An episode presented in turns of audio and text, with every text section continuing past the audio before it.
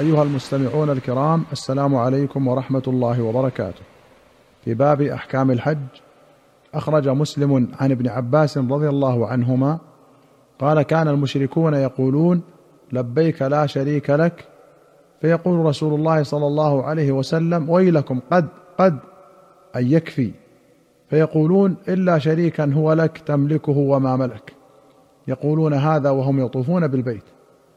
وأخرج مالك وأحمد وابن ماجة وأبو داود والترمذي والنسائي وابن حبان بسند صحيح عن السائب بن خلاد الأنصاري رضي الله عنه أن رسول الله صلى الله عليه وسلم قال إن جبريل أتاني فأمرني أن آمر أصحابي أو من معي أن يرفعوا أصواتهم بالتلبية أو قال بالإهلال. قال في المرقاه قال ابن الهمام رفع الصوت بالتلبية سنة فإن تركه كان مسيئا ولا شيء عليه ولا يبالغ فيه فيجهد نفسه والسنة في ذلك التوسط والمرأة لا ترفع صوتها بل تسمع نفسها لا غير.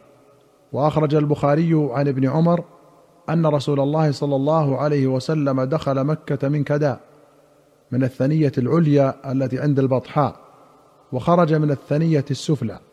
وكان يخرج من طريق الشجرة ويدخل من طريق المعرس وكان إذا خرج إلى مكة يصلي في مسجد الشجرة فإذا رجع صلى بذي الحليفة ببطن الوادي وبات حتى يصبح وأنه صلى الله عليه وسلم أتي وهو في معرسه من ذي الحليفة ببطن الوادي فقيل له إنك ببطحاء مباركة.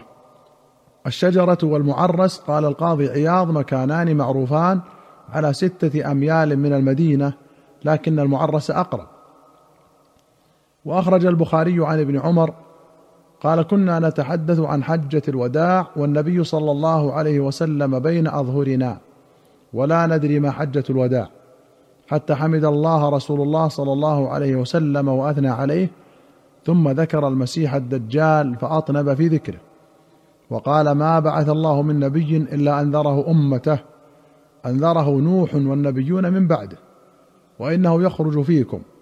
فما خفي عليكم من شأنه فليس يخفى عليكم أن ربكم ليس بأعور. إنه أعور عين اليمنى كأن عينه عنبة طافية. ألا إن الله حرم عليكم دماءكم وأموالكم كحرمة يومكم هذا في بلدكم هذا؟ ألا هل بلغت؟ قالوا نعم. قال اللهم اشهد ثلاثا ويلكم أو ويحكم. انظروا لا ترجعوا بعدي كفارا يضرب بعضكم رقاب بعض.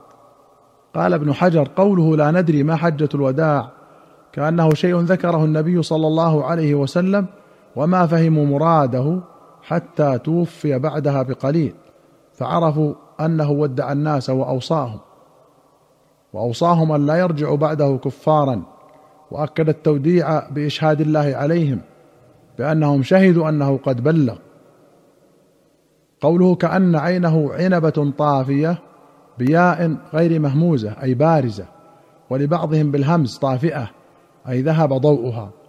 قال القاضي عياض رويناه عن الأكثر بغير همز وهو الذي صححه الجمهور ومعناه أنها ناتئة نتوء حبة العنب من بين أخواتها. قال ويؤيد الهمز أنه جاء في آخر أنه ممسوح العين مطموسة وليست جحراء ولا ناتئة. وهذه صفة حبة العنب إذا سال ماؤها. وأخرج مسلم عن جعفر بن محمد عن أبيه عن جابر قال مكث رسول الله صلى الله عليه وسلم تسع سنين لم يحج. ثم أذن في الناس في العاشرة أن رسول الله صلى الله عليه وسلم حاج. فقدم المدينة بشر كثير كلهم يلتمس أن يتم برسول الله صلى الله عليه وسلم ويعمل مثل عمله. فخرجنا معه حتى أتينا ذا الحليفة. فولدت أسماء بنت عميس محمد بن أبي بكر. فأرسلت إلى رسول الله صلى الله عليه وسلم كيف أصنع؟ قال اغتسلي واستثفري بثوب وأحرمي. فصلى رسول الله صلى الله عليه وسلم في المسجد ثم ركب القصواء حتى إذا استوت به ناقته على البيداء نظرت إلى مد بصري بين يديه من راكب وماش وعن يمينه مثل ذلك وعن يساره مثل ذلك ومن خلفه مثل ذلك. ورسول الله صلى الله عليه وسلم بين أظهرنا وعليه ينزل القرآن وهو يعرف تأويله وما عمل به من شيء عملنا به فأهل بالتوحيد لبيك اللهم لبيك لبيك لا شريك لك لبيك إن الحمد والنعمة لك والملك لا شريك لك وأهل الناس بهذا الذي يهلون به. فلم يرد عليهم رسول الله صلى الله عليه وسلم شيئا منه. ولزم رسول الله صلى الله عليه وسلم تلبيته. قال جابر لسنا ننوي إلا الحج لسنا نعرف العمرة. حتى إذا أتينا البيت معه استلم الركن فرمل ثلاثا ومشى اربعا ثم نفذ إلى مقام إبراهيم عليه السلام. فقرأ واتخذوا من مقام إبراهيم مصلى. فجعل المقام بينه وبين البيت. فكان أبي يقول ولا أعلمه ذكره إلا عن النبي صلى الله عليه وسلم. كان يقرأ في الركعتين قل هو الله أحد وقل يا أيها الكافرون. ثم رجع إلى الركن فاستلمه ثم خرج من الباب إلى الصفا. فلما دنا من الصفا قرأ إن الصفا والمروة من شعائر الله أبدأ بما بدأ الله به. فبدأ بالصفا فرقي عليه حتى رأى البيت فاستقبل القبلة فوحد الله وكبره وقال لا إله إلا الله وحده لا شريك له له الملك وله الحمد وهو على كل شيء قدير. لا إله إلا الله وحده أنجز وعده ونصر عبده وهزم الأحزاب وحده ثم دعا بين ذلك.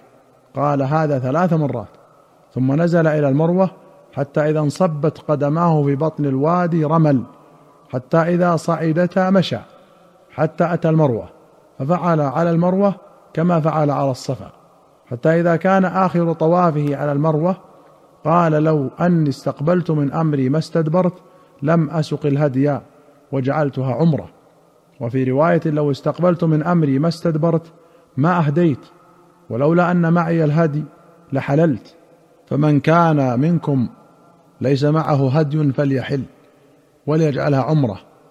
فقام سراقة بن مالك ابن جعشم فقال يا رسول الله ألعامنا هذا أم للأبد؟ فشبك رسول الله صلى الله عليه وسلم أصابعه واحدة في الأخرى وقال دخلت العمرة في الحج هكذا مرتين لا بل لأبد أبد. وقدم علي من اليمن ببدن النبي صلى الله عليه وسلم فوجد فاطمة ممن حل ولبست ثيابا صبيغا واكتحلت فأنكر ذلك عليها فقالت إن أبي أمرني بهذا.